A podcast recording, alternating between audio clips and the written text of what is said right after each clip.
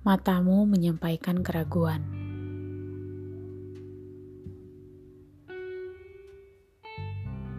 Kata-katamu menyuarakan keraguan.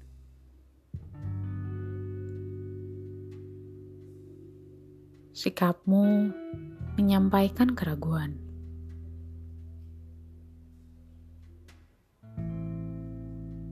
Pilihanmu menggambarkan keraguan. Dirimu dari ujung kaki sampai ujung kepala hadir dalam keraguan.